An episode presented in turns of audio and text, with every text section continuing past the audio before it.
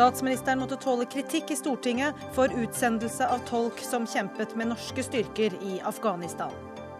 Mens jeg skriver denne teksten, spør jeg om det kan være det siste jeg skriver, skrev drapstruede Florence Arianic i dag. 20-åringen våger også å fortelle sin historie i Dagsnytt 18. Kjønnslemlestelse er et langt mindre problem i Norge enn man har trodd, viser rapport. Somaliere føler seg stigmatisert av overdrevne undersøkelser.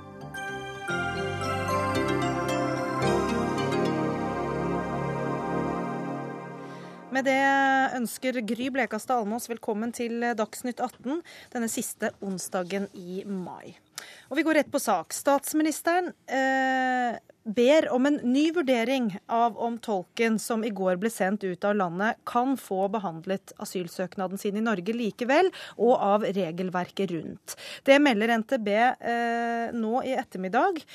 Den samme statsministeren forsvarte avgjørelsen om å sende tolken eh, til Italia eh, i Stortinget i dag. Italia var det landet han først kom til da han flyktet fra hjemlandet Afghanistan. I Afghanistan hadde han kjempet for norske styrker, og derfor søkte han altså asyl i eh, Norge. Og dette sa Erna Solberg i Stortingets spørretime i dag. Utlendingsforvaltningen har fattet, med, fattet, sitt vedtak. Han er sendt ut av landet. Jeg syns det vil være vanskelig hvis vi nå skal hente han tilbake for å gi en vurdering, og så eventuelt komme til en konklusjon om at det ikke var et beskyttelsesbehov. Spørsmålet om beskyttelsesbehov er det bare utlendingsforvaltningen som vurderer. Det vurderer ikke vi eh, i det hele tatt. Og før vi går videre på den aller siste utviklingen her, så har vi med oss tolken Faisullah Muradi på telefon fra Italia. First of all, Faisullah, uh, how are you right now? Hello. Um, uh, well, physically I'm okay. I'm healthy. But uh, emotionally, uh, I feel better after uh, my friends called me and uh, after they said about Prime Minister's decision. Yes, we have just heard the news that uh, she has she wants the immigration authorities to have another look at your case and also the rules around it. Um, what do you say to that? Well, uh, what I think personally is um, UDI knows about my case. Uh, I think uh, it is time to to take a decision, not uh, to look into the case. But I really appreciate what uh, she is trying to do. Because before we didn't have this opportunity, now we have it. Han setter altså pris på at statsministeren nå vil se på saken hans uh, på nytt. Um, I want to ask you, how, how have you slept tonight? How are the conditions where you are in Italy right now? Well, uh, right now, um, fortunately, uh, I got a house uh, is a fam- uh, Italian family hospitaling me for only for one night is because because of the people who are supporting me back in Norway. Uh, I get to know them through to a friend who was supporting me uh, in Mondal. Uh, he's a member of my support unit. So for tonight, I, uh, I have a shelter to stay. And but after this night, I don't know. It all depends on Italian immigration office according how to they how they treat me today, I don't think so. I might have a shelter because I've been waiting there for all the day for an answer. Just come tomorrow. Mm. Murado forteller altså at han har uh, fått seg et sted å bo, men bare for én natt, og han vet ikke da uh, hva som skjer deretter. But how do you feel about being back in Italy? That's where you first came when you left Afghanistan. Yes, but uh, my feelings, uh, I have a lot to say. Uh, but briefly, I, I just want to say that uh, I feel very bad because I don't know what's what's go- going to happen tomorrow, because all my uh, documents are written in Norwegian, and I served to Norway, not to Italy. So I still underline what I said. The Italian authorities, either if the if they want to give me the protection or not, but they will never consider my case as a special case mm. because they don't see any special uh, thing on my case. Mm. Because uh, as all European countries and uh, including Scandinavian countries, they know that in Afghanistan you can make the, every kind of documents with the money, and it's unfortunately true. So I don't know how to prove my documents are not fake in Italy.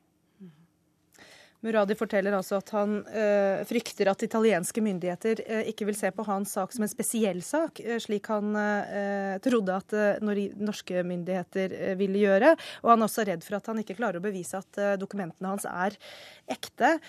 og nå vet han ikke hva som skal skje videre. you say you don't know what's going to happen next, but what are your plans now? Well, tomorrow uh, I will go to uh, immigration office again. It, it only opens from 9 o'clock at 12 o'clock. There are a lot of immigrations. I will go there like uh, at 6 o'clock in the morning at least to get the first position in the line that I can get somebody to, to apply. So if I if I be late, I don't think so. Even tomorrow I can make it. That's why I have to go, and I cannot say anything about until I don't know what they will decide about me. Either they will give me a protection here or they will send me back to Greece because I'm a Greek Dubliner. Before coming to Italy, I was in Greece. Oh. Or the decision, they will send me back to Afghanistan. So that's your worst fear? Yeah, it's the very worst part of my case. If they don't believe on my documents, most likely they will send me back to Afghanistan. Thank you very much, Faizullah Muradi. Han forteller altså til slutt her at uh, han frykter at han kan bli sendt tilbake til uh, Afghanistan uh, dersom han ikke blir trodd på at dokumentene hans er riktige. Eh, vi gjentar da også at eh, rett før sending nå så kom meldingen om at statsminister Erna Solberg har eh, bedt justisministeren om å gå gjennom praksis vedrørende bruk av det som kalles Dublin-forordningen, som altså betyr at man skal søke asyl i det landet man først kommer til. Eh, og at man da også skal vurdere denne spesielle saken på nytt i lys av det. Eh, Lars Akerhaug, forfatter av boka 'Norsk jihad' og journalist i Minerva. Du har i dag skrevet en blogg der, der du støtter eh, myndighetenes beslutning i, i denne saken. Hvorfor mener du det var riktig å sende ham til Italia? Jeg mener at det er vanskelig å se at man utlendingsmyndighetene, eh, altså Utlendingsdirektoratet og Utlendingsnemnda, kunne ha handlet uh, særlig annerledes. Fordi det er jo slik uh, dette systemet fungerer, at når man registrerer seg som asylsøker i et land, så er det dette landets plikt å behandle asylsøknaden. Nå har han vært registrert i Italia, og da er det vanskelig for Utlendingsdirektoratet og Utlendingsnemnda eh, å se bort eh, fra det. Um, det eh, norske myndigheter må ta stilling til, og saksbehandlerne i, i, i direktoratet og nemnda må ta stilling til, det er jo om, om han kan få en rettferdig behandling av sin sak i dette landet. Når det er sagt, så er det ikke nødvendigvis så galt å se etter en løsning som gjør at Eh, han kan få opphold eh, her i Norge, eller at andre tolker som har tjenestegjort for Norge i Afghanistan, kan få opphold. Det som alltid er en utfordring i disse sakene, det er at politikere lar seg påvirke av enkeltsaker som får stor oppmerksomhet i, i, mediene. Og så fører det til at det som skulle være en konsekvent og rettferdig asylpolitikk, eh, får hull. Ja, Hva syns du da om statsministerens utspill nå i ettermiddag? Det, vi få vente og se hva som kommer ut av en slik uh, utredning. Det jeg er opptatt av, er at man ikke nå uh, skaper en presedens der mange andre kan komme som har registrert seg i andre land, og kreve sin sak uh, behandlet her i Norge. Jeg har ikke noe imot, isolert sett, at denne afghanske tolken får opphold. Det jeg synes er bekymringsfullt, er hvis politikerne kaster seg rundt og endrer et regelverk Eh, på bakgrunn av en enkeltsak. Mens du, Karin Andersen, stortingsrepresentant for SV, er vel bare glad hvis de endrer praksis her, eller? Jeg er veldig glad for det. Jeg tror at Erna Solberg eh, hørte sjøl i dag, nå sto i Stortinget og skulle forsvare dette, at det tålte på en måte ikke dagens lys. Og Det ene er regler. Det er feil, som, eh, som min meddebattant her sier, at han har registrert som asylsøker i Italia. Han har vært i Italia fordi han ble bedt om å vitne i en rettssak mot menneskesmuglere. Han tok på seg et ansvar der. Hele tida sagt han skulle til Norge. Så det er ikke riktig. Og Dublin er ikke tvang. sånn at det er ikke, det er ikke for å si det sånn, man kan, Reglene her gir mulighet til at han kan være i Norge. Men det viktigste her er jo det moralske ansvaret Norge har for personer som har tjenestegjort for våre styrker i Afghanistan, og gjennom det har blitt utsatt for forfølgelse og trusler. Og jeg ser jo nå med interesse at norske veteraner nå rykker ut og sier at han må forsvare. Jeg har hørt på hva våre um, uh, tropper i uh, Afghanistan har sagt om han og om de andre, hvor viktige han er.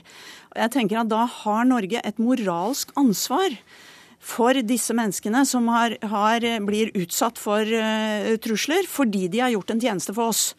Og når regelverket da til og med er sånn at man kan behandle saken, og denne saken har ikke blitt behandla i Norge, den har blitt behandla som en Altså saken hans er ikke vurdert. Det er en Dublin-sak, man sender den videre til Italia, og vi veit ikke om Italia vil gi han beskyttelse. Så jeg tror at Erna skjønte det sjøl når hun sto og forsvart, skulle forsvare dette i dag, at dette holdt faktisk ikke. Eh, verken i forhold til reglene eller i forhold til etikken. Nå skal vi bare ta med at vi selvfølgelig har prøvd eh, å invitere statsministeren eh, hit i dag. Også justisministeren, også Utlendingsnemnda, mm. også Utlendingsdirektoratet og representanter fra Fremskrittspartiet og Høyre uten å lykkes jeg, med det. Jeg, hvis jeg bare kan, kan få legge til, er at jeg har tatt denne saken opp nå to ganger med justisministeren før gjennom spørsmål i Stortinget, sånn at saken er til ny. Sånn at De har jo hatt en mulighet til å vurdere den, men jeg tror på en måte ikke statsministeren egentlig har vært ordentlig borti saken før. Hvordan vurderer du... Og, hun tror jeg nå skjønte at dette, dette gikk ikke. Hvordan vurderer du eh, Akerhaug, eh, det moralske ansvaret Norge har her? Man kan eh, godt mene at Norge har et uh, moralsk ansvar ja, for eh, å følge opp tolkene i Afghanistan. Ja, det kan være rimelig å tenke seg at man fikk en ordning der tolker Eh, som har tjenestegjort under krevende forhold, eh, får en type oppholdstillatelse. USA har et lignende program eh, hvor man rett og slett henter inn Eh, de som har tjenestegjort som tolker eh, i Irak eh, og Afghanistan. Men da tas de ut av asylordningen. og det er det jeg er opptatt av, at Asylordningen er jo ikke til for å belønne noen som har gjort tjeneste for Norge. Den er til for uh, å beskytte mennesker som er forfulgt. Og da, uh, hvis, man, hvis, man, registrerer seg som asylsøker, så må man jo behandles uh, på lik linje med andre asylsøkere. Myndighetene kan ikke da skjelne til politiske hensyn i hvem man ønsker å plukke inn hit i landet. Men her får får han jo ikke engang sjansen til å få saken sin vurdert. Han blir sendt tilbake til Italia fordi han da var der og vitna i en rettssak først. Han ble jo registrert i uh, Italia, uh, og det er jo slik regelverket fungerer. Slik fungerte det også da SV uh, satt i regjering. Og skal man være en del av Schengen-avtalen, så må man nesten ha et sånt Eh, type regelverk. Det kan godt hende går går å, likevel går an å finne en løsning i denne saken. Eh, men jeg er opptatt av at det ikke blir en løsning som da uthyler den asylpolitikken vi forsøker å føre. På vei til den løsningen skal jeg bare nå sitere fra en pressemelding som akkurat er kommet fra eh, justisminister Anders Anundsen. Jeg er helt enig med statsministeren i at de som gjør tjeneste for norske styrker i utlandet skal behandles på en god måte. Justis- og beredskapsdepartementet vil gå gjennom den etablerte praksisen i slike saker og foreta de vurderingene statsministeren har tatt initiativ initiativ til. Jeg tar sikte på at gjennomgangen skal skje så fort som mulig, sier han. Ja, Det er jeg glad for. Jeg tror også at de nå kanskje har gjort et lite søk på Google på sine egne uttalelser for en par år siden, når, når disse sakene kom opp. Da var eh, det veldig entydig, ikke at man helt uten videre alle skulle få opphold, men alle mente at vi hadde dette moralske ansvaret, og at vi skulle gi beskyttelse. Danmark har gjort det. De har gitt eh, beskyttelse til dette. Og, og, jeg hører liksom at man sier at Dublin, for det er jo Dublin dette handler om, Dublin-regelverket, men Dublin-regelverket er ikke et skal. Eh, Dublin-regelverket er et kan. Og det betyr at man kan behandle denne saken i Norge uten å forandre reglene i det hele tatt, og vurdere det. Og da tror jeg vurderingene her vil være ganske klare på at han trenger beskyttelse. Da skal vi gi det siste ordet til Faizullah Faisullah Muradi igjen. If you're still there, Faisullah, um, uh, we have another uh, news for you. Uh, this uh, um, this uh, the thing that they will look at your case again will happen as soon as possible. The authorities say. What is your reaction to that? Well, uh, I'm I'm happy about it. And how soon do you hope to hear from them again? as soon as possible because my situation here uh, is very bad. Because uh, they don't treat the immigrants good because there are a lot of them. Mm. I don't blame the Italian authorities, but there since the receptions are full, full of immigrants, it, all they can do is just they give a document Det sa altså tolken Faisullah Muradi på telefon fra Italia. Tusen takk til han. Thank you very much. Takk også til Karin Andersen og Lars Akkerhaug her i studio. Dagsnytt 18 alle hverdager klokka 18. På NRK P2 og NRK2.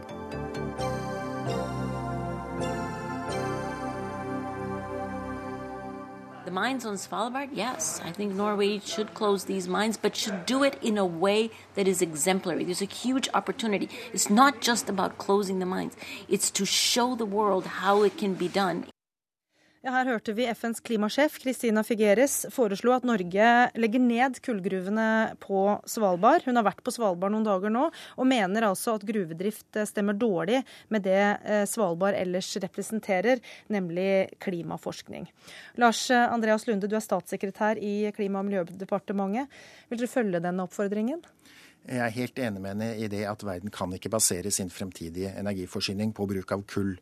Uh, verden må, skal vi løse klimautfordringen, så må verden gå fra fossile energikilder over på fornybar energi. Og vil dere da stenge kullgruvene på eh, Svalbard? Når, når, det er sagt, så står jo kullvirksomheten eller kullproduksjonen på Svalbard for en helt marginal del av verdens kullproduksjon. Jo, men vil dere stenge gruvene der, er spørsmålet. Ikke umiddelbart. Når vil dere gjøre det da? Kulldriften er en helt sentral del av tilstedeværelsen for norsk, norsk tilstedeværelse på, på Svalbard. Svalbard. Ca. 40% av de ansatte i Longyearbyen jobber i kullgruvene. Eh, samtidig som vi bygger opp alternative næringer. men skulle vi, og, Svalbard kan ikke basere sin fremtidige, frem, fremtid på bruk av kull. Men å stenge kullgruvene i dag vil være dramatisk. Men disse kullgruvene, eh, Lunkefjell kullgruve, som den forrige regjeringen åpnet for ca. et år siden, vil gå tom rundt den 2020. Eh, andre gruver vil gå tom noen få år etter det. Etter det så er det ikke, vil den eksisterende kullgruvevirksomheten være tomt. Så er det en del nye prosjekter som er under vurdering, som ikke regjeringen har tatt stilling til. og i vurderingen av disse, så vil vi ta tungt hensyn til klimautslipp. Og jeg kan vanskelig se for meg at kullgruvedrift vil ha noen langvarig fremtid på Svalbard. Rasmus Hansson eh, fra Miljøpartiet De Grønne, vi hørte deg på morgenen i dag være veldig glad for dette utspillet fra FNs klimasjef. Hva sier du til eh, svaret fra regjeringen her? Eh, nå hører vi altså regjeringen ta et halvt skritt i retning av å si at det blir ikke mer kulldrift når denne gruva er drevet ut. Det skrittet bør de selvfølgelig ta fullt ut nå, for nå er det altså en søknad som foreligger om eh, å åpne neste gruve. Og det er nå regjeringa må si nei. Og det som uh, Figurera uh, sier, nemlig at bør stenge, Norge bør stenge gruvedriften på Svalbard, det er jo å si det opplagte. Ikke bare fordi Svalbard profilerer seg internasjonalt som den polare klimaforskningens hovedstad, hvor det nettopp er effekten av kull på, på polarmiljøet de studerer. Eh, men det er jo også sånn at eh, den store klimaunnskyldningen for norsk olje- og gassvirksomhet, det er at Norge skal eksportere gass til Europa og resten av verden for å redde verden fra kull. Og da er det jo temmelig hårreisende at Norge samtidig år ut og år inn eksporterer flere millioner tonn kull fra Svalbard. Men nå syns du du hørte en halvveis positiv nyhet ja, ja, ja, her, altså. Dette er kjempeviktig. og veldig forpliktende. Men det er bare viktig å være klar over det vi gjør. Altså, vi eksporterer hvert år omkring to millioner tonn kull fra Svalbard. Det tilsvarer eh, klimagassutslipp eh, på 5,5 millioner tonn. altså 10% av Norges samlede klimagassutslipp. Det eksporterer vi fra Svalbard hvert år, helt unødvendig, samtidig som forteller resten av verden at, må, eh, at, vi, at de må holde opp med kullgruvedrift. Det er altså verdens rikeste land som gjør dette her. Så regjeringen må nå ta konsekvensen av sin egen argumentasjon eh, og sette en stopper for dette tullet. Eh, det å stenge kullgruvene på Svalbard nå vil ikke bety noen ting for verdens klimagassutslipp. Det tar vel noen timer eller noe sånt før andre gruver i de store kullandene rundt omkring i verden vil kompensere for dette. Verden vil fortsatt etterspørre akkurat like mye kull, uansett om vi produserer kull på Svalbard eller ikke. Det eneste vi vil oppnå, er at vi vil eh, skade den norske tilstedeværelsen, eller sette den norske tilstedeværelsen på Svalbard eh, i fare. Nå åpnet den forrige regjeringen en ny kullgruve i fjor. Da ville det blitt lite forutsigbart hvis vi skulle stenge den i år. Men det er begrenset hvor lenge vi fortsatt vil ha kull, kull på Svalbard. Kullet vil snart gå, gå, tomt. Og den produksjonen som er der i dag, er også bare marginalt lønnsom. Det skal ikke rare økningen i globale CO2-avgifter eller en økt pris på karbon før all kullvirksomhet på, på Svalbard vil, vil, ta slutt. Jeg tror at kullgruvedriften på Svalbard vil være et av de første ofrene for en uh, ny internasjonal klimaavtale. Altså, for det første så, så går ikke kullgruvedriften på Svalbard med marginale overskudd, den går med digre underskudd. og Det er staten som eier kullselskapet, så det er enda en god grunn til å holde opp med den virksomheten. Men det er altså regelrett tragisk å høre en representant for den norske regjeringen fortsette å argumentere for at det spiller ikke noe rolle hva Norge gjør, for det er så lite. Hva i all verden er det for slags beskjed? Som den norske regjeringen sender ut i verden til alle mulige andre land som er mye eh, fattigere, som har mye lavere klimagassutslipp, og som har mye større behov for kullet sitt enn det Norge har, som ikke har behov for dette kullet i det hele tatt. Mener du virkelig at du vil gå ut og fortelle andre mennesker i verden at vi i Norge skal ikke kutte våre klimautslipp? Skal ikke kutte vår kullvirksomhet? Mens fattigfolk i Ukraina og Kina og Sør-Afrika og andre steder, de skal holde på å produsere kull. Er det, er det alvor? Hører jeg hva du sier? Norge gjør en betydelig innsats på ting som faktisk virker for å redusere verdens klimagassutslipp. Det gjør vi, ikke. Klimagassutslippene våre øker. Vi har verdens mest, mest ambisiøse nasjonale klimamål. Vi bruker 3 milliarder kroner i året på å bevare verdens regnskog, noe som kan redusere verdens globale klimagassutslipp med 20% mange ganger norsk, Norges samlede utslipp. Men i motsetning til Rasmus Hansson, som er mest opptatt av, eh, av, symboler i miljøpolitikken, så er denne regjeringen opptatt av resultater i miljøpolitikken. Men FNs klimasjef er også opptatt av symbolikk, for hun sa jo, som vi hørte innledningsvis, at her kan Norge gå foran og vise vei om hvordan en sånn ting kan gjøres. Betyr ikke det noe i det hele tatt for regjeringen? Det er nettopp symboler, men vi er altså opptatt av resultater. Jeg tror verden er mye mer opptatt av at Norge bruker 3 milliarder kroner i året på å redde regnskog, at regjeringen vil sette av mer enn 60 milliarder kroner på å utvikle ny, fremtidsvennlig, klimavennlig, eh, tek, fremtidsrettet klimavennlig teknologi som skal løse verdens klimagassutslipp, at vi har verdens høyeste andel av elbiler okay. i Norge. Men, men Hansson, er det ikke, er det ikke også et vi... poeng fra hans side at hvis det skal bo folk på Svalbard, så må de ha noe å leve av? Ja, for det første så vet vi altså nå at den norske regjeringen betrakter to millioner tonn kull eh, og et utslipp på 5,5 million tonn CO2, tilsvarende 10% av Norges klimagassutslipp, det betrakter eh, regjeringen som et symbol, samtidig som klimagassutslippene i Norge øker fordi vi ikke kutter nok. Så det er altså så mye for Høyres og regjeringens symbolpolitikk. Det blir ikke når ett gram så, mindre klimagassutslipp i verden om vi stenger gruvene på Svalbard. Eh, når det så gjelder eh, eh, betydningen av kullgruvene på Svalbard, så er det altså et faktum at for noen få tiår siden så var hele det norske svalbardsamfunnet 100% basert på kull. I dag er det kanskje 30% basert på kull, eh, ettersom hvordan man regner. Men må man ikke akseptere og at det tar litt tid å komme over på andre næringer? Det har nå skjedd altså i løpet av de siste 30-40 åra at Svalbard selv har vært et dundrende bevis på at dette samfunnet kan klare seg svært godt uten kull, og at det i all hovedsak klarer seg uten kull, og at det utelukkende er politisk vilje om vi skal fortsette å produsere kull med underskudd og med et kolossalt klimaavtrykk, eller om vi skal ha en regjering som tar konsekvensen av sin egen klimaretorikk og stanser sin egen kullgruvevirksomhet på Svalbard. Får vi spørre statssekretær Lunde omtrent som vi starta med. Da. Når er det man kan se for seg at disse gullgruvene stenger? Er det når de går tomme for kull, eller blir det mer eh, aktivt stengt fra norske regjerings side på noe tidspunkt? Vi vil, gå, vi vil gå tomt for kull rundt den 2020. Og det er klart, i det øyeblikk du får en så høy pris på klimagassutslipp at disse vil bli klart ulønnsomme, så vi, vi kommer ikke til å fortsette med å subsidiere kulldrift på Svalbard. De må være lønnsomme, og de kommer ikke til å være lønnsomme lenger. De er allerede subsidiert, syns jeg jeg hørte her i stad. Ja, det er ikke riktig. De er, de er, lønnsomme, men det er en annen diskusjon. Men i det øyeblikk Vi har ikke tenkt å fortsette å subsidiere kullgruver på Svalbard og subsidiere klimagassutslipp. På ingen måte. Vi skal sette en pris på klimagassutslipp. Det skal koste å forurense. Og der må vi sette strek for debatten mellom Lars Andreas Lunde, som er statssekretær i Klima- og miljøverndepartementet, og eh, Rasmus Hansson fra Miljøpartiet De Grønne.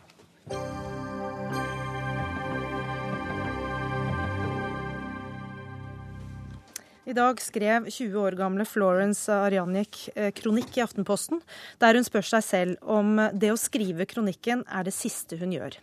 Hets og hat har fått henne til å holde seg unna den offentlige debatten etter at hun trakk seg fra en appell i forbindelse med markering av krystallnatten i høst. Hun fikk drapstrusler i forkant av arrangementet. Og nå er du her, Florence eh, Arianik. Hva fikk deg eh, til å ombestemme deg og altså skrive kronikk og sitte her nå? Jeg tenker at uh, man har en stemme, og du kan velge mellom å ha en stum stemme og du kan velge å ha en skremt stemme. Jeg kan godt ha en skremt en, men jeg nekter å la den forstummes. For uh, det er min rett, ganske enkelt. Det er min rett til å kunne prate i offentligheten i Norge. Det er en rett som jeg har, som jeg ikke kan la noen ta ifra meg, som jeg ikke har råd til å la noen ta ifra meg. Kan du fortelle hva slags trusler du har fått? Jeg har fått uh, veldig mye av seksuell art. Uh, veldig mange nøye beskrivelser av hvordan jeg skal bli voldtatt. Uh, hva de skal gjøre med kroppen min. Jeg har fått veldig mye om hvordan jeg skal bli drept. Hvordan kroppen min skal havne ved veikanten. jeg har fått ganske mye om hvordan jeg skal bli kidnappa og slått og sparka og i det hele tatt mishandla. Har du fått noen forståelse av hva det er som har provosert fram disse truslene? Det som jeg har lagt merke til, er at eh, både når jeg har holdt foredrag og hatt meninger, så har det kommet trusler, og når jeg har trukket meg tilbake og ikke ment noen ting, så har det også kommet. Så jeg, jeg har på en måte gått litt ut ifra at det er hele min eksistens som kan provosere. Eh, det, det som gir en veldig sørgelig eh, mening i hodet mitt. Da. Men hva er det ved din eksistens, hvis det da ikke er meningene mm. dine som provoserer, hva tror du da ved din eksistens eh, som gjør at eh, folk kommer med den typen trusler? Ut ifra innholdet som har vært, så har det vært ganske klart at uh, det at jeg er kvinne, er ikke så greit. Det at jeg er minoritetskvinne, er enda mindre greit. Jeg skal dra tilbake dit jeg kom fra. Eh, det at jeg ikke er en muslimsk kvinne fra et muslimsk land, er også et problem. At du ikke er muslim, er et problem? Ja. Eh, jeg har fått eh, beskjed om at jeg bør bli steina, at jeg skal bli steina fra fallen som jeg er. Jeg bør bli spytta på. For du er jo da opprinnelig fra Iran, bare for å ha opplyst om ja. det, og kom til Norge da det var ett år. Riktig. Mm. Helt riktig. Hvem er disse eh, avsenderne av truslene? Det vet ikke. Aldri fått identifisert noen. Um, vet du noe om hvilke grupperinger eller eh, hvor de hører hjemme hen? Alt det her er jo teorier, eh, tanker som jeg har gjort opp eh, sjøl. Og det virker jo som at det er fra de mest ytterliggående kretsene, eh, både av islamister og høyreekstreme. Men jeg tror også at det er den vanlige sofasitteren som på en måte er både litt rasist og litt kvinnehater og litt det ene og det andre. Mm. Og så eh, skriver du også at eh, denne teksten du da eh, har i Aftenposten i dag, mm. frykter du kan være det siste du skriver. Ja. Hvorfor frykter du det? Fordi man skal ta de truslene her på alvor. Jeg tør ikke å sitte her og si at trusler er tomme ord, fordi jeg kjenner samfunnsdebattanter som har blitt slått ned. Og det kan bli verre. Eh, man skal jo være kaldhoda og se på en statistikk som sier at trusler ikke alltid blir til handling, og som regel ikke blir det heller. Men har vi råd til å tenke sånn? Må det virkelig en så alvorlig handling til før vi ombestemmer oss og sier at oi, ting kan skje? Jeg syns ikke at vi kan tillate oss å på en måte sitte her og si at nei, det her kan ikke vi ta på alvor, fordi det skjer jo aldri. Hvem vil være det eksempelet som motbeviser den teorien? Sunne Hørstavik, du er eh, likestillings- og diskrimineringsombud. Eh, tror du hun har grunn til å ta disse truslene på alvor? Eh, først vil jeg si at jeg er glad for at Florence står opp og bruker sin stemme. Men ja, hun må ta de truslene på alvor. Eh, og det må også politiet. Eh, og det er viktig. Eh, men Florence snakker jo også om noe annet før disse truslene. Alt det hatpratet, alle de hatefulle kommentarene hun har møtt med, som ikke er innenfor det du beskriver nå, som rammes av straffeloven og skal forfølges, og er en veldig viktig ting. Men alt dette grumset, alle disse kommentarene som krenker Florence, som krenker kvinner, som eh, krenker etniske minoriteter, seksuelle minoriteter, og også folk med nedsatt funksjonsevne, som er en del av det landskapet vår offentlige debatt nå beveger seg i. Og Derfor er jeg også veldig glad for at hun setter ord på dette og er med i det arbeidet som må til for at det ikke skal være sånn. Og Her mener du at Arjanik ikke er et unikt eksempel? Nei, dessverre så opplever noen eh, at det går så langt at det kommer til disse grove truslene. Langt flere opplever jo hetsen og trakasseringen. Eh, og alt det pratet som ikke etterfylles av direkte trusler. Eh, og det er veldig alvorlig. Hvor mye vanligere er det at kvinner eh, opplever å motta trusler og får disse hatmeldingene osv. enn menn? Altså Alle som er med i den offentlige debatt, opplever noe form for eh, eh, hetsing eller eh, trakassering. Men vi vet at kvinner er mer utsatt. Vi vet at eh, etniske minoriteter er det, og seksuelle minoriteter, og også andre minoriteter. Mm. Eh, men og når man da får det dobbelt opp, så det, gjør det kanskje ikke saken noe bedre? Det kan virke som, som Florence sier, at det trigger noe ekstra og provoserer ekstra. Og hva gjør det da med ytringsfriheten? Jeg mener jo at dette også da truer ytringsfriheten. Fordi at det truer eh, bl.a. Florence sin ytringsfrihet. Og jeg mener at det er en trussel mot demokratiet. Eh, at mange kvier seg for å være med i det offentlige ordskiftet. Mm. Fordi at eh, konsekvensene kan bli så store. Eh, du tok med deg saken din til politiet. Hva har de gjort med det? Eh, helt til å begynne med så ble jeg jo sendt Altså, det var jo avhør og alt det formelle, på en måte. Men jeg fikk jo ikke høre noe på veldig lenge. Og så var jeg jo i media. Etter det så ble det forandring i sakene. Jeg ble introdusert for egne kontakter i politiet, som jeg kunne ringe så å si når som helst og ble godt ivaretatt. Nå er jeg introdusert for eh, et slags trygghetsprogram som eh, innebærer at jeg har min helt egen oppfølgingsperson, da, som oppdaterer meg gjennom etterforskninga og er med meg, og som jeg kan kontakte ved behov. Um, og på hvilken måte har de fulgt opp truslene som sådan? De er jo blitt henlagt. Uh, jeg kan på en måte forstå det, fordi det er vanskelig å identifisere dem som står bak. Uh, de er jo anonyme. Det blir jo anonymifisert. Uh, så jeg skal ikke sitte og si at politiet har gjort en dårlig jobb, eller at etterforskninga har vært dårlig. Men jeg håper i fremtida at det blir lagt av større ressurser til nettopp sånn etterforskning som det her. Fordi det her er på en måte også unnskyld, forebyggende også. Mm. Sånn at det ikke kommer en sak etterpå om at noen faktisk har blitt overfalt, hvis man tar tak i det litt tidligere stadium. Til slutt, Ørstavik, hva syns du om at politiet har henlagt uh, disse truslene? Nei, Der følger jeg nok Florence at det, det kan være vanskelig å uh, finne ut hva som skjer i disse sakene. Det viktigste for meg er å vite at uh, man møter et politi som tar dette på høyest alvor. Mm. Og så forventer jeg jo også at norske myndigheter har en aktiv politikk for hvordan vi skal forhindre at det kommer så langt som at man skal leve daglig med trusler fordi man er med og bidrar i den offentlige debatt i vårt samfunn. Da sier vi takk til Sunniva Ørstavik og til Florence Arianik. Tusen takk.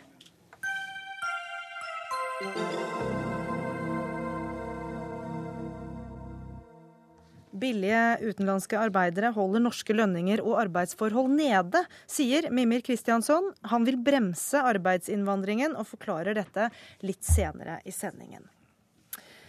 Kjønnslemlestelse er et eh, langt mindre problem i Norge enn eh, antatt. Det slår en Fafo-rapport fast.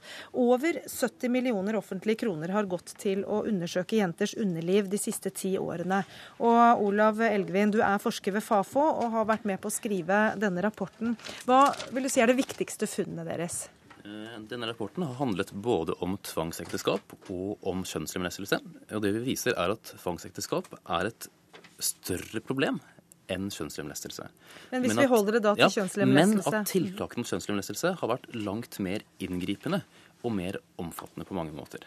Det er vel hovedfunnet. Um, og vår tolkning av det eksisterende datamaterialet er at dette antagelig er et mindre problem av et mindre omfang enn det som kan ha ligget til grunn for innsatsen til myndighetene. Det har det da vært en overdreven innsats, vil du si?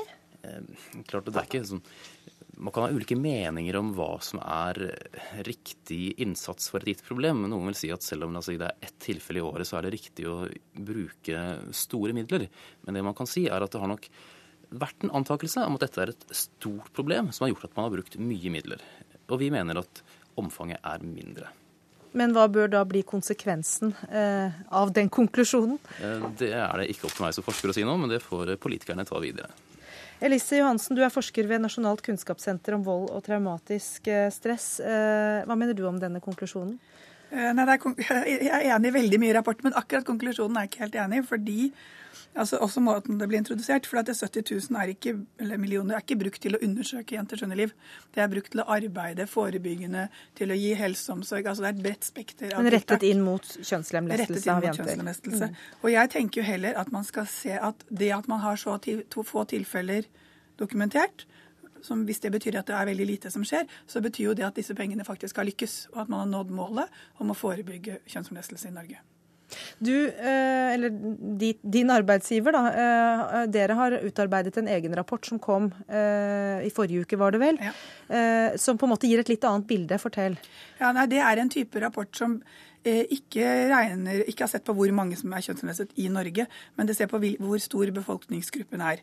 Og Vi har regnet ut av litt over 17 000 kvinner og barn som sannsynligvis har blitt kjønnslemlestet før de kom til Norge. Sånn at Vi kan ikke drive forebygging, de har ikke gjort en kriminell handling, men de trenger omsorg og de trenger kunnskap. Og I tillegg så har man, jeg husker ikke akkurat tallene, 5000-7000 eh, som er, yngre, som, som, kunne vært Altså dette er barn som kanskje ville blitt omskåret hvis de hadde blitt boende i hjemlandet. Mm. Og som man må jobbe forebyggende i forhold til. Ja, så du mener at det er viktig eh, med en innsats, en fortsatt stor innsats, eh, også for å, hjelpe disse kvinnene, selv om de da ikke blir kjønnslemlestet i Norge? Ja, det er kjempeviktig. Og Norge har gjort et stort arbeid på å sikre helsehjelp til kvinner som omskåret. Det er jo åtte klinikker rundt i landet som har egne tilbud for disse. I tillegg til disse undersøkelsene av barn som har blitt snakket om som er noe helt annet, med en kontrollfunksjon. Men helseomsorg er jo kjempeviktig. Mange kan jo ha store plager eh, som de ikke engang vet at kommer av dette, som de kan få hjelp for. Elgvin, sier rapporten din noe om hvorvidt det finnes store mørketall her? Uh, vi diskuterer det ganske grundig. Uh, og det, vi er helt åpne om at her har vi ikke sikker kunnskap. Fordi dette er et forbudt Eh, fenomen ikke som ikke er lov i Norge. Og åpenbart er det vanskelig å finne ut av. Eh, men det vi mener er at det finnes ulike indikatorer som peker i samme retning. Og det er dels at det er veldig få saker i hjelpeapparatet. Det kommer bare ikke inn noen saker. Eh, det andre er at, at forskningen er ganske entydig i at folk sier at de er mot skikken. Det tredje er at helsevesenet blir kontaktet av kvinner som ønsker å åpne seg, eh, altså å omgjøre inngrepet, som også er en indikator på at dette ikke lenger anses som en bra ting. Og Det fjerde er at det er veldig få type sånn opprørske stemmer i media som sier at dette skjer. Og Alt det her står i motsetning til hvordan det er med tvangsekteskap, hvor det er saker i hjelpeapparatet. Du har opprørere i media som snakker om det, og på en måte det er et fenomen som man vet skjer. Så vi er helt åpne på at dette er ikke en, på en måte, fasit med to streker under, men vi mener at den mest rimelige konklusjonen, gitt alle disse ulike indikatorene, er at det er et lite fenomen. Hva sier rapporten om hvor mange av de som blir undersøkt, eh, som har blitt omskåret? Eh, dette er tall som eh, NRK har samlet inn fra Ullevål sykehus, som oppgir at eh, man har undersøkt 103 jenter siden 2007. Og etter hukommelsen så er det hvor det da var mistanke fra barnevernet, og som da man tenkte at her kan det ha skjedd. Og av de så var det 21 hvor man fant eh, omskjæring. Men eh, legene mente at det var ingen av dem som hadde blitt omskåret etter at de kom til Norge. Eh, og det, kan, det, er ikke helt, Man kan ikke vite det helt sikkert, men mest sannsynlig så skjedde ikke dette i noen av tilfellene etter ankomst til Norge. Er det overraskende, Elise Johansen? Nei, jeg syns det er veldig positivt ja, at eh, hvis det er såpass få tilfeller. Det eneste er jo at de tallene er jo veldig altså Det som er usikkert, er at man kan ikke si når det har skjedd. Det er umulig å si. Hvis såret har grodd, så har såret grodd. Og da kan du ikke vite om det skjedde for seks måneder siden eller seks år siden. Eh, sånn at det å finne en, på en, måte, en akutt omskjæring vil jeg tro at det er ganske lav sannsynlighet for. Men tror du at det skjer eh, jeg har, jeg har ikke grunnlag for å tro noen ting. Men jeg, altså, alle logikk tilsier at man vil i hvert fall ikke utføre omskjæring i Norge. At det er mer sannsynlig at man i så fall reiser til et annet land. Men jeg, jeg vet ingenting mer.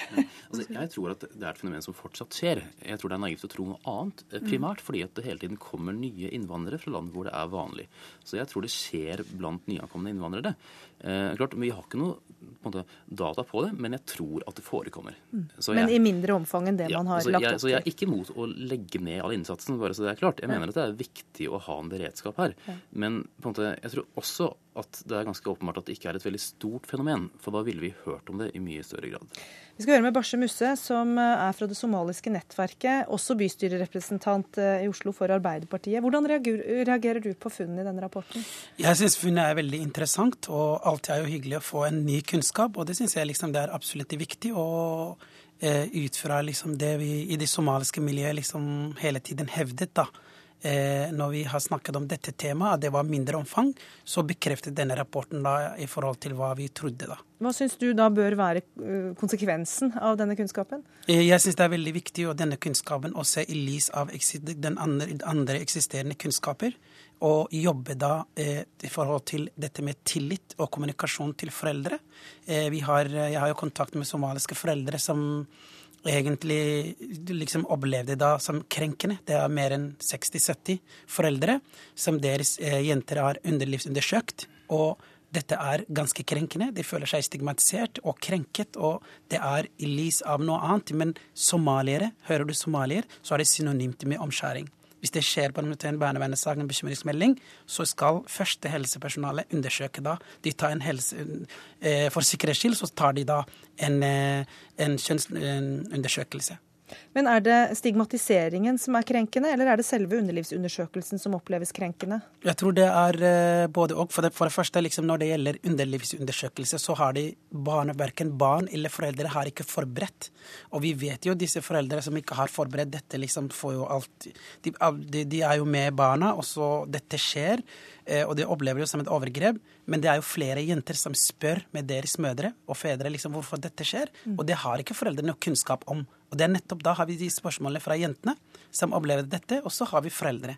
Det er et samspill mellom eh, ja, både foreldre og barn. Vi inviterte eh, barneminister Solveig Horne hit, eh, men hun kunne ikke komme i dag. Men Kari Kjønaas Kjos, du er helsepolitisk talskvinne for holdt på å si, Hornes parti, Fremskrittspartiet. Hva mener du bør gjøres i arbeidet mot kjønnslemlestelse på bakgrunn av det som kommer fram her? Altså Først og fremst har jeg lyst til å si at eh, man har jo ikke dokumentasjon på, på noen tall i det hele tatt. Eh, og som jeg sa på eh, Fafo-møtet i dag, Eh, så har jo jeg truffet en av disse jentene som har blitt utsatt for eh, eh, kjønnslemlestelse i Norge etter at hun kom hit, og som aldri har blitt oppdaget fordi man ikke blir undersøkt på helsestasjon, fordi man får fritak fra gym og svømming pga. religion. Og fordi man aldri stiller de spørsmålene. Så hun er altså en av de som har vært utsatt for dette i Norge, og ikke finnes i noen statistikk. Derfor så selv om noen mener at dette problemet kanskje er lavere enn antatt, det ingenting ville glede meg mer. Men jeg syns det blir litt for lettvint å feie det under et teppe. Eh, særlig fordi det sitter jenter rundt i landet vårt eh, som vet at eh, det er annerledes. Men vi hører her at det oppleves som krenkende å både bli stigmatisert, men også å bli utsatt for disse undersøkelsene. Hva tenker du eventuelt kan gjøres med det? Ja, og det, og det, kan jeg forstå at, eh, at, det gjør. Og det som Fremskrittspartiet har eh, opptatt av, er jo det som faktisk skjer i dag. Det er jo at man får, når man kommer til Norge, får informasjon om at dette er forbudt i Norge. Eh, og at det, den informasjonen fortsetter. Punkt to. Alle små barn i Norge kommer opp og blir innkalt til helsestasjonen til en undersøkelse. Og de blir tittet i øret og halsen og klemt litt på maven og veid og målt og snakker litt om de sover godt og spiser godt og sånn. Eh, og guttene er uten truse, og man kjenner på pungen om disse testiklene har fått ned. Det er det ingen som reagerer på. Men når jentene blir innkalt til den samme undersøkelsen, så skal de ha på seg truse. Eh, og det er det vi ønsker. Vi ønsker å likestille den helt ordinære, ufarlige, hyggelige helsestasjonsundersøkelsen. Eh, den må gjelde for hele kroppen, for jenter også, ikke bare for gutter. Eh, og på den måten så er, blir det ufarliggjort. Og når noen snakker om helkroppsundersøkelser eller underlivsundersøkelse, så ser man for seg en sånn gynekologisk stol, og det handler det ikke om i det hele tatt. Eh, denne jenta jeg snakket med, fortalte at hun i dusjen sammen med andre jenter først da hadde oppdaget at de så annerledes ut enn henne. Så det er faktisk mulig å se mye bare ved et blikk, og dette vil ikke barna merke engang. Og da likestiller vi absolutt alle barn i landet. Barse Musse, den løsningen som her skisseres, tror du det vil hjelpe på de eh, krenkelsesopplevelsene som du refererer til? Nei, det tror jeg absolutt ikke det kommer til å bli verre. Vi vet jo at det er eh, fasteleger som har undersøkt da kjønnslemlestelse og konkluderte at jenta er omskåret, men det allikevel de tok eh, feil. Og liksom sannheten kom da der jenten jentene, blir, jentene blir sendt videre til eh, helsetjenesten, eh, altså andrelinjetjenesten. Mm. Eh, det syns jeg absolutt ikke, men det vi trenger er jo for det første Omskjæringen er jo ganske alvorlig. Det er uskikk. Ingen vil ha det. Vi trenger kommunikasjon. Vi trenger dialog. Og vi trenger liksom å respektere loven. Alle respekterer loven.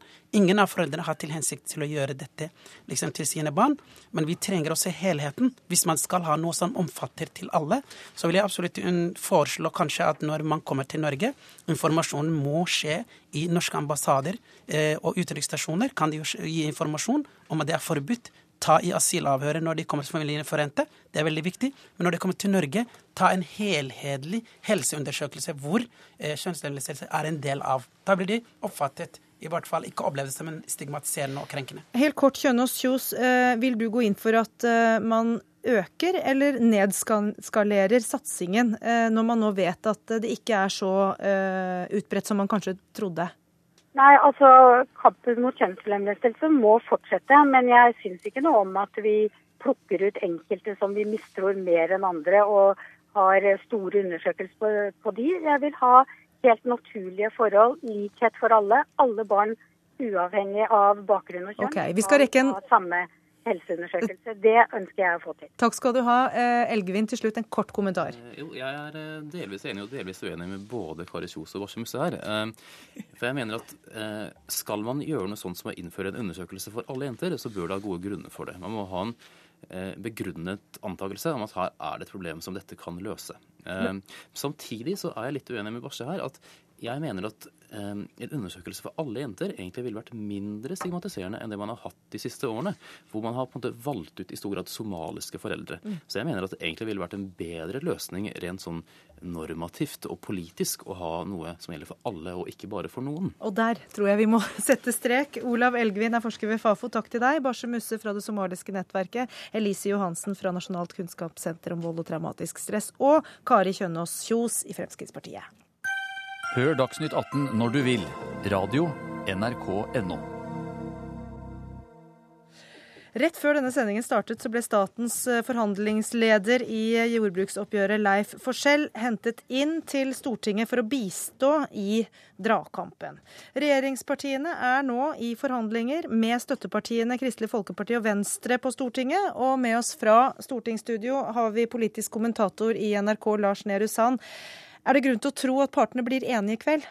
Ja, Sånn som det ligger an nå, så forstår jeg det dit hen at det er eh, helt klare realistiske mål om å bli enige i løpet av kvelden nå i kveld. Det var en kort eh, pause klokka 18.20. Så de siste signalene fra innsiden av møterommet 310 her på Stortinget kom, kom da under Dagsnytt 18, og da er det helt klart et mål at de om kort tid kaller inn til en pressekonferanse i løpet av kvelden. Ja, vet du noe om hvilke forutsetninger som da har endret seg, som gjør at man kommer til en enighet? De har diskutert i, i, hele dag, og så langt jeg forstår så er de enige om å øke rammen eh, utover det eh, som var statens siste tilbud til bøndene. Eh, for, forslaget fra Venstre og Kristelig Folkeparti har vært en økning på ca. 250 millioner kroner, og det ligger an til at det eh, kan bli enighet om det. Eh, de pengene skal da brukes eh, til å øke eh, bevilgningene fra staten til de små gårdsbrukene, noe som vil begunstige folk som, eller bønder som driver med melk, sau og kornpris, altså øke, øke prisen på korn.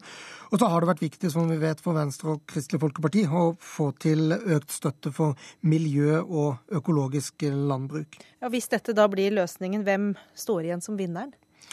Det er klart, Venstre og Kristelig Folkeparti har fått gjort viktige justeringer eh, som de har kjempet for hele veien, og de har fått økt ramma mer enn det, eh, altså budsjettrammen mer enn det eh, regjeringen var villig til. Men så går Sylvi Listhaug på sett og vis seirende ut av dette ved å ha fått gjennomslag for de viktigste eh, strukturgrepene hun har ønsket å gjøre. Og hun går i ytterkant av det eh, Stortinget eh, ønsker, men hun klarer da å få stortingsflertall rundt mye av det ved å gi etter på noe til, til de mindre gårdsbrukene. Da sier vi takk til deg, Lars Nehru Sand, som er politisk kommentator her i NRK, og som altså følger innspurten i jordbruksforhandlingene på Stortinget.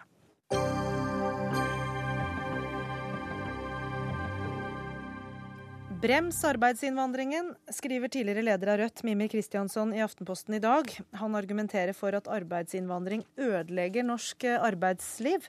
Og Mimir Kristiansson, eh, hvorfor er forholdene i norsk arbeidsliv arbeidsinnvandrernes skyld? Det er jo ikke deres skyld, men det er klart at når du får en stor tilgang på mennesker som er villige til å jobbe fordi at de kommer fra delvis desperate situasjoner, får veldig lav lønn og til delvis useriøse arbeidsvilkår, mennesker som kommer til Norge ofte for å være der kort, som ikke er fagorganiserte, som ikke kjenner sine rettigheter i forhold til det norske lovverket. Når du får en så stor gruppe av de inn i arbeidslivet, så bidrar det til å eh, dumpe vilkårene for alle. Eh, fordi at de rett og slett konkurrerer ut de som ville vært dyre å bruke. Men hvis det ikke er deres skyld, hvorfor er det de som da skal straffes eh, ved å sendes ut, eller ved å ikke få lov til å komme inn, eventuelt, da, hvis ja. vi skal kutte arbeidsinnvandringen? Det er jo ikke en straff eh, fordi dette. Det som er Poenget her er å gjøre noe med strukturene. Og vi ønsker jo selvfølgelig, som alle andre, vil jo ønske å ta imot eh, arbeidsinnvandrere i Norge. Spørsmålet er bare til hvilke vilkår. Og hvis det er noe vi må unngå i norsk arbeidsliv, så er det at det får polske lønns- og arbeidsvilkår i Norge. Det er ikke noe bra for Polen heller, at Norge deltar i noe race to the bottom med andre land i Europa. Nei, men løsningen din er å bremse arbeidsinnvandringen? Løsningen er å ta en pust i bakken, bremse arbeidsinnvandringen, regulere arbeidslivet skikkelig, sånn som det var i mye større grad før. Og så ta imot de som vil komme her og jobbe til norske arbeidslønnsvilkår. Det tror jeg sikkert mange i Polen som er, så spørs etterspørselen hvor stor den er for dem. Jan Arild Snoen, du er kommentator i Minerva. Eh, du reagerte da du leste hans eh, Aftenposten-artikkel i dag. Hvorfor det? Jo, Den første gruppa som vil tape på denne bremsingen, det er jo eh, arbeidsinnvandrerne som da ikke lenger kan komme hit. De kommer fordi de får vesentlig bedre vilkår her. Altså Noen polakker får vanvittig mye bedre vilkår her enn de har hjemme. Så de tjener åpenbart på det regimet vi har i dag. Men mange utsettes også for arbeidsvilkår som vi ikke aksepterer i Norge. og Er det greit hvis de er polakker? Nei, det er ikke greit. Altså, er jo, her er det forskjellige deler av dette med sosial dumping. Det er noen som har urimelige arbeidsvilkår, men de fleste har ikke det. Eh, så det store bildet er ikke sånn. Men eh, de tjener ofte litt mindre enn eh, nordmenn, men ikke voldsomt mye mindre. Men det er en annen gruppe også som tjener på, på det regimet vi har i dag, og det er de aller fleste nordmenn som forbrukere. Grunnen til at vi nå ikke har enda høyere boligpriser, enda høyere priser på restaurantene, enda koster enda mye mer å pusse opp et bad, er at vi har dette eh, som holder eh, prisstigningen nede.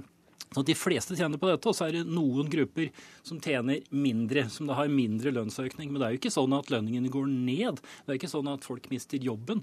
Dette er ikke sånn som det er i Frankrike og i Storbritannia, der, der, eh, der Kristianssons allierte i denne saken, Nasjonal Front og UKIP, kjører akkurat samme type argumenter. De har grunner til å gjøre det, det har ikke Kristiansen. Det er vel partier som står ganske langt fra Rødt, da, hvis vi skal Nei, Jeg gir ikke med Rødt, jeg, men jeg hadde aldri trodd du skulle sitte og bli hitla av Jan Arild Snoen. Det får du ta right back at you. Og poenget her bare er at uh, du klarer ikke å se strukturene for bare individer. For det er klart at det er helt riktig at for den enkelte polakk som kommer her, så tjener man mer.